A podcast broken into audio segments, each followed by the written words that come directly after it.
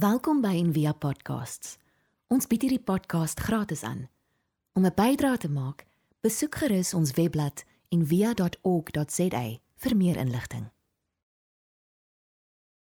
Ons ehm um, is op die oomblik in Romeine 8. So Romeine 8 is hierdie incredible incredible stuk ongelooflike stuk teks wat ons vir ewig en ewig en ewig kan lees en nooit soos die diepte daarvan ek dink eintlik sal kan kan uitgrawe nie. Dit is fantasties. Ek laasweek ook gesê dat as daar twee ja, daar twee hoofstukke in die Bybel is wat jy al moet amper uit jou kop uit ken, is dit Romeine 8 en dan Johannes 20, die opstandingsteks.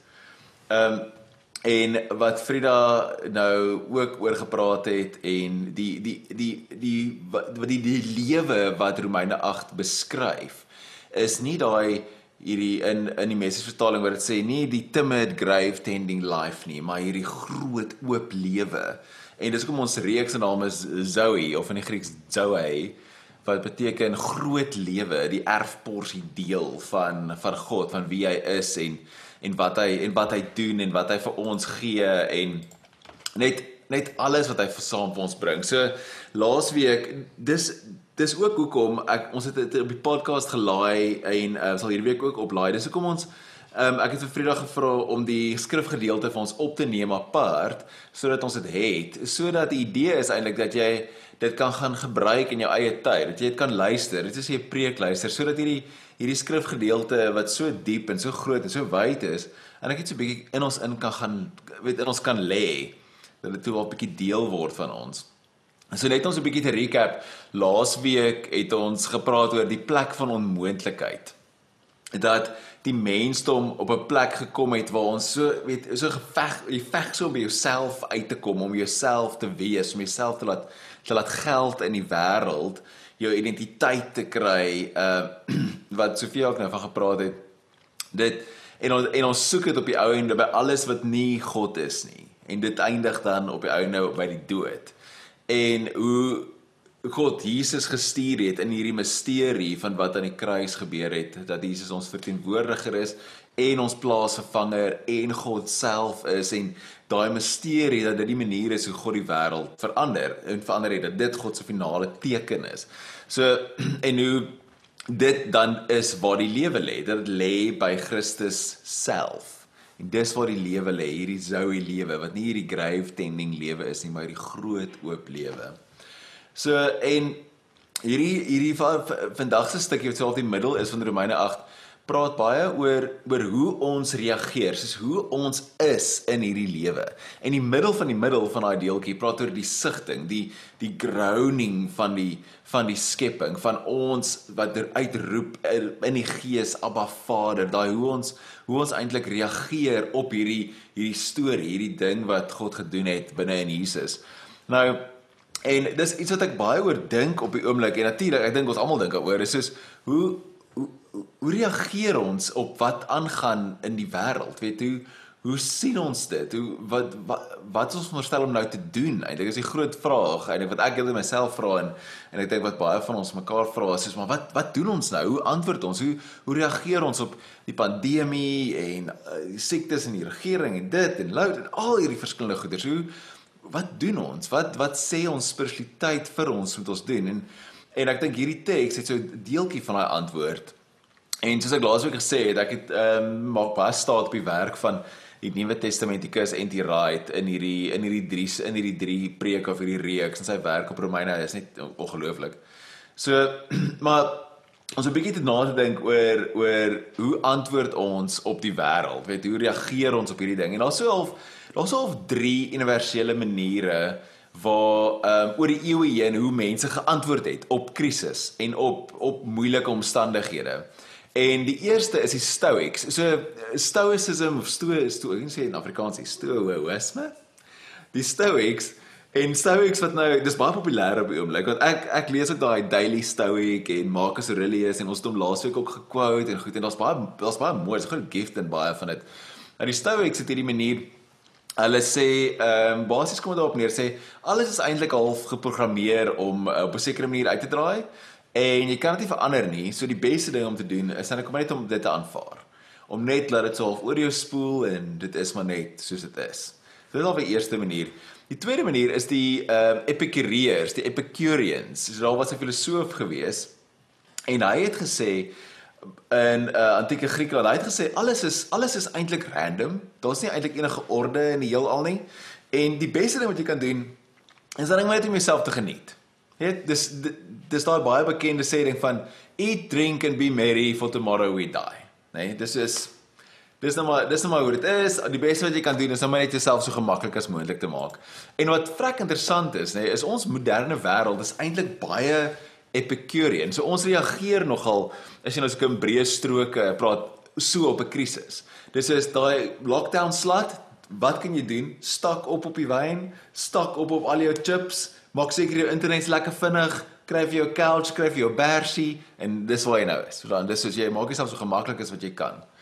En dan die die derde manier is die die Griekse half idee of Plato se idee dat dat die die huidige realiteit, die huidige lewe is net 'n skaduwee van wat eintlik regtig aangaan van van die ware realiteit en slegte dinge gebeur hier, maar ons is eintlik bestem vir 'n ander wêreld.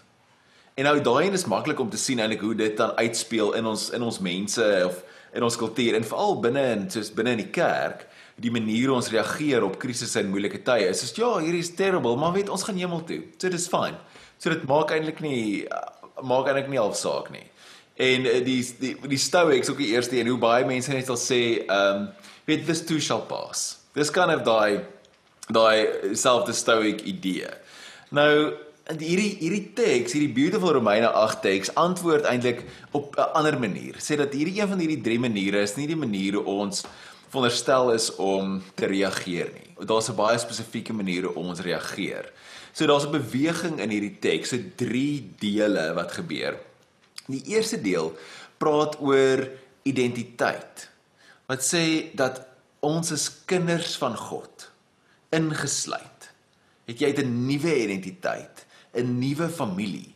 En hierdie is 'n massiewe tema Ehm um, daai deel wat ons nou gelees het Psalm 139 wat ons so ook probeer uitfigure maar wie is ons? Hoe het God ons gemaak om te wees en hoe speel dit met mekaar? En daai die hele idee van jou identiteit is so groot in die in die Bybel dat dit iets is wat ons eintlik die heeltyd oor moet nadink en onsself weer aan herinner. Ek dink altyd dit is dit is die een van die hoofredes hoekom ons mekaar kom op 'n Sondag, is om mekaar in die oë te kyk, selfs al is dit nou so deur 'n kamera en ons sê vir mekaar maar jy is 'n kind van God. Jy is ingesluit. Onthou wie jy is. Moenie vergeet wie jy is nie. Onthou wie jy is. Dit is daai famous Lion King line. Remember who you are. Nee, jy is 'n kind van die koning. Dis wie jy is. En ons vergeet dit so maklik. En in hierdie Romeine deel herinner Paulus hulle weer daaraan en sê maar julle is kinders van God. Julle roep uit na God, Abba Vader. En en hierdie hierdie idee om jou identiteit te vorm in Christus is so soos ek sê, so groot deel van die Bybel en so groot deel van wat God besig is om te doen. Ek lees nou eendag so 'n uh, eh, teoloog, ek kan nie onthou wie dit was nie, maar hy sê dit het God een nag gevat om die Israeliete uit Egipte uit te kry en toe 40 jaar om Egipte uit hulle uit te kry. En dis en dis die werk van God met ons. Jy kom nou tot bekering of wat ook al in 'n oomblik op 'n seekamp iewers as jy 'n tiener is en dan vir die res van jou lewe moet God daai ek weet nie valsheid uit jou uit te kry. Daai daai en in in hierdie in hierdie Romeine 8 teks sê dit ons het nie 'n gees van slawerny nie. Dit is my so interessant dat Paulus die slawerny gebruik as 'n woord want dit dit roep al terug na Egipte toe om te sê nie 'n gees van slawerny nie. Jy het jy's aangeneem as 'n kind van God en oor en oor en oor en oor het ons nodig om dit te hoor en te sê jy is 'n kind van God. Jy is 'n kind van God. Jy behoort. Jy's geliefd jy's deel, jy's ingesluit. En daai is al ons al ons wonde wat ons almal mee sit. Is daai om nie om te voel dat jy nie genoeg is nie, om te voel dat jy nie behoort is nie, om te voel dat jy nie jy nie genoeg het nie en en God antwoord al daai behoeftes. Dit sê maar jy is deel, jy is genoeg. So die Gees wat dan binne in ons uitroep, Abba Vader. Nou die volgende deel, die teks beweeg so van identiteit en die volgende deel praat dan oor hoe ons sug, hoe die skepping sug. En die Engelse Engelse vertaal dit die groaning van van die skepping. En daai deel dra trek eintlik uit die uit die uit die lament weet die klaaglied lamenting tradisie uit. Waar in die as jy die psalms lees oor en oor en oor is daar is daar klaagliedere geskryf. Is eintlik is dit die grootste deel van die psalms is klaagliedere waar mense na God toe gegaan het en voor hom neergesit en gesê het hoorie maar hierdie hierdie werk nie. Hierdie is moeilik. Waar is jy? Hoekom help jy ons nie? Daai daai daai rou eerlikheid wat net sê die goed is stikkend man, kom help ons. Jy kan nie jy kan ons nie nou los nie. En um, ek dink daar's so baie voorbeelde. Ek wil eintlik vir julle net so so ene wys. Psalm 44 is half seker een van die bekendstes waar die psalmskrywer sê ontwaak. Waarom slaap u, Here? Word tog wakker. Verstoot nie vir ewig nie. Waarom verberg u u aangesig? vergeet U ons ellende en ons verdrukking, want ons siel is in die stof neergebuig. Ons buik, hoe mooi is hierdie woorde. Ons buik kleef aan die aarde. Dit is alweer so laag in die stof jou maag en alles druk so teen die aarde vas. En ek dink dat Romeine 8 hierdie deel nooi ons eintlik uit na na daai na na na die klaaglied, la lamentasie wat sê die die die wêreld die skepping is in 'n sigting, in 'n groaning, in 'n klaaglied wat sê dit goed is nie soos dit moet wees nie, dit moet anders wees. So en en die Wright skryf, hy sê dis wanneer ons hy skryf in Engels, maar ek gaan nou vertaal, maar hy sê dis wanneer ons die volgelinge van Jesus onsself vind, wanneer ons ons vind dat ons saam met die skepping sug, dan besef ons op oomblik dat dat God se gees saam met ons sug. Die Gees wat uitroep in ons Abba Vader. Nou hierso is ek meen hier's die wonder en die misterie wat Paulus aanraak in hierdie stuk. Is soos wanneer jy hierdie klaaglied in jou hart beleef, nê, nee, wat ons baie keer geleer is, jy mag nie dit sê nie, jy mag nie sulke goed sê nie, jy moet net gelukkig wees die hele tyd, 100% van die tyd. En jy kan nie sulke goeie sê nie want jy moet geloof hê of wat ook al die nonsens is. Dis soos maar Paulus raak hier iets aan. Hy sê dat wanneer jy dit doen, wanneer jy hierdie sigting, hierdie klaaglied ervaar, hierdie hierdie pyn en hierdie seer om te sê maar waar is God? Help ons, weet ons dit kan nie so bly nie, dan sug die Gees saam met jou. Dan sit jy en die Gees wat saam sug wat saam na God toe gaan. En dis dis daai dis hierdie die wonder en die misterie van wanneer jy bid en jy weet nie eers wat om te bid nie. Al wat jy uitkry is soos trane en snikke en preweling en dat God se gees vertaal dit in wat dit moet wees.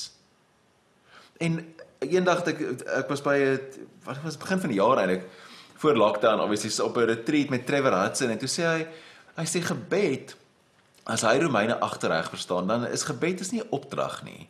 Gebed is 'n gawe. Dis wat dis wat God in jou doen. Dis 'n gawe, nie 'n plig nie. Ons werk is om ons harte sag te hou en die klip af te skaaf of eintlik nog beter weet God of toelaat dat dit afgebreek word. Want wanneer ons bid dan bid die Gees in ons en deur ons en God is saam met ons in hierdie in hierdie sigting, in hierdie lament. En net soos hy saam met Jesus aan die kruis was in Jesus as Jesus, wat ook al daai misterie is. Is God saam met ons wanneer ons nou sug en en as ons wil praat oor oor wat ons wat ons veronderstel is om te doen. Nee, dat ons nie stoics is nie, nie epikureërs nie, nie platoniste nie. Ons ons is ons is kinders van God en dit is ons roeping om om in gebed te wees homself soos hierdie hierdie woordlose gebed presies op die punt en die plek waar die wêreld in pyn is. Dit is hoe ons reageer. Ons reageer nie deur om so comfortable as moontlik te wees nie. Ons reageer moenie reageer om te sê ag ons laat dit net boor ons spoel en dit sal net verbygaan nie. En ons reageer ook nie om te sê hoorie maar dit maak nie saak nie ons gaan eendag hemel toe nie. Ons sug en kla saam met die skepping. Dis hoe ons reageer of onderstel ons om te reageer.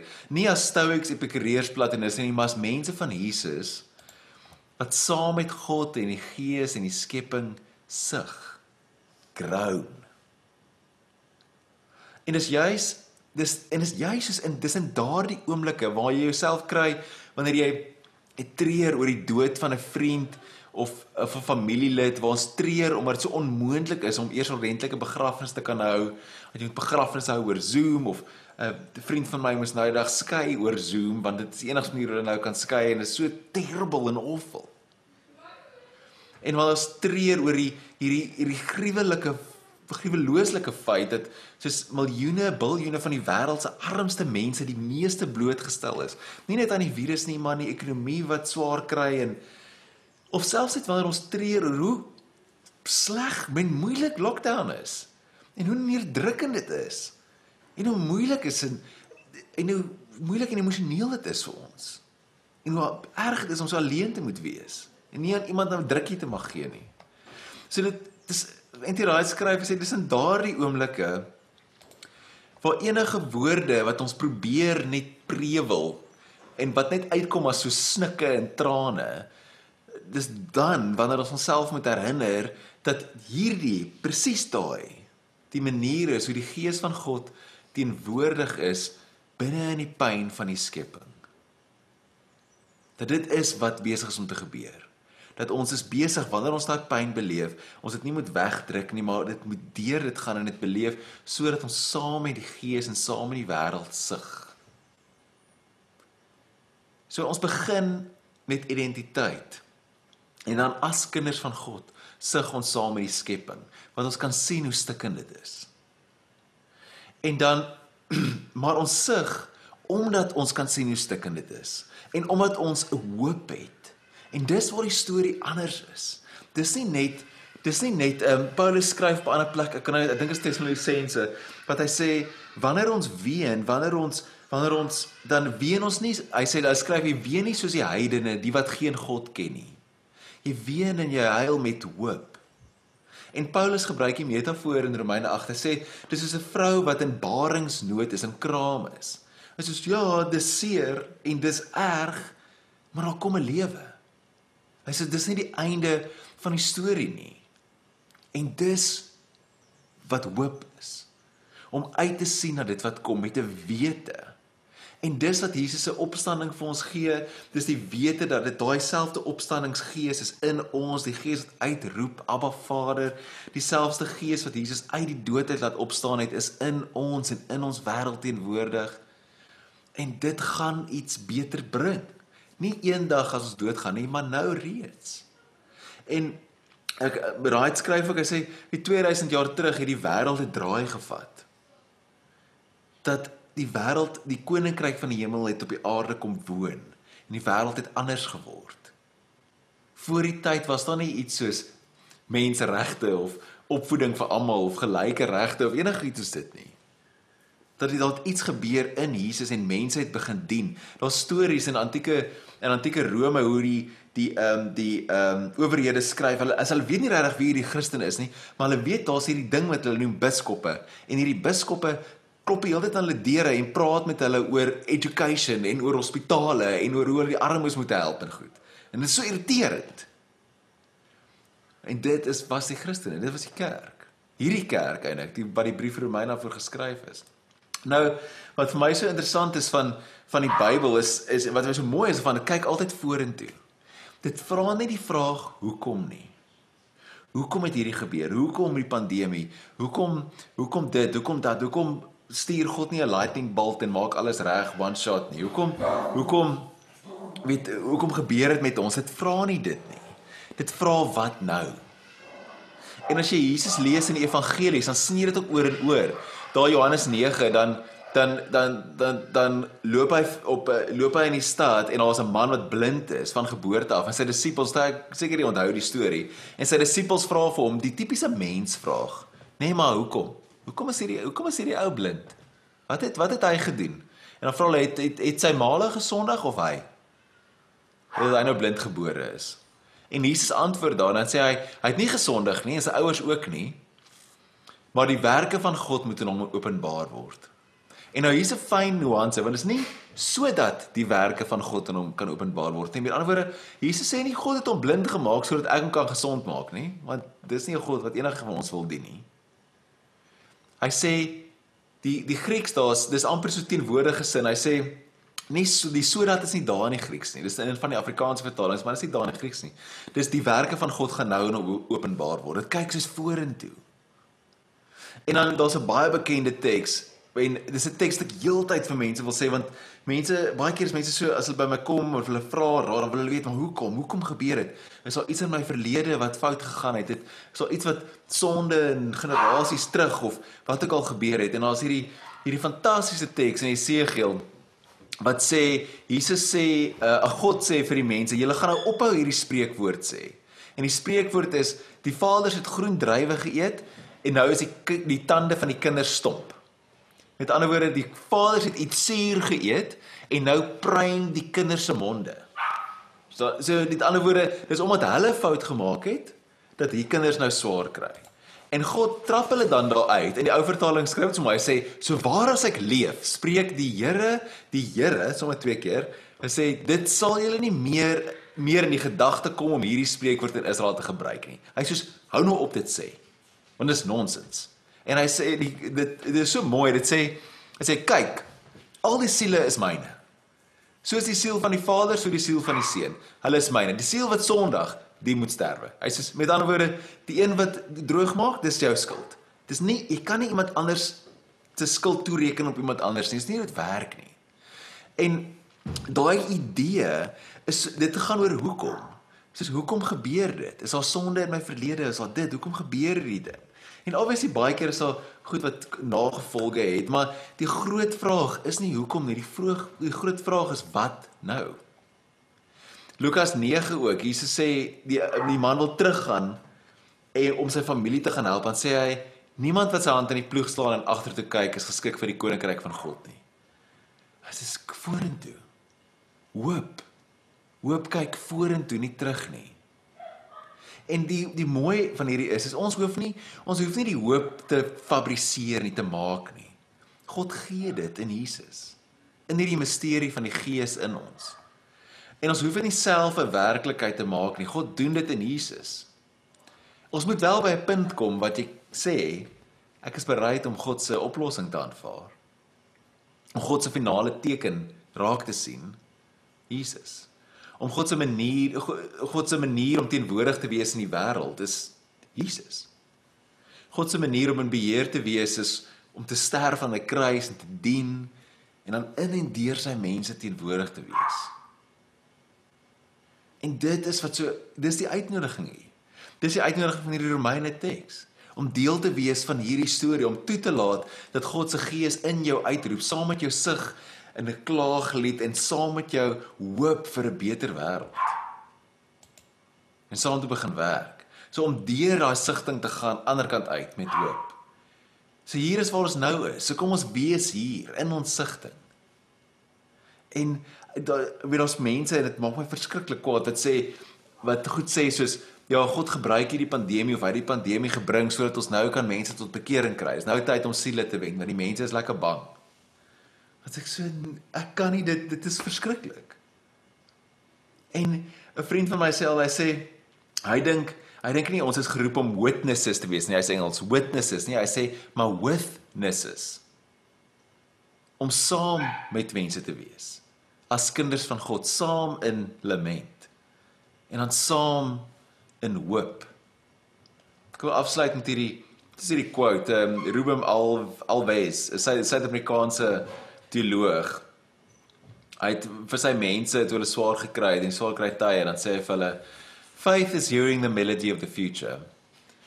Hope is dancing to it.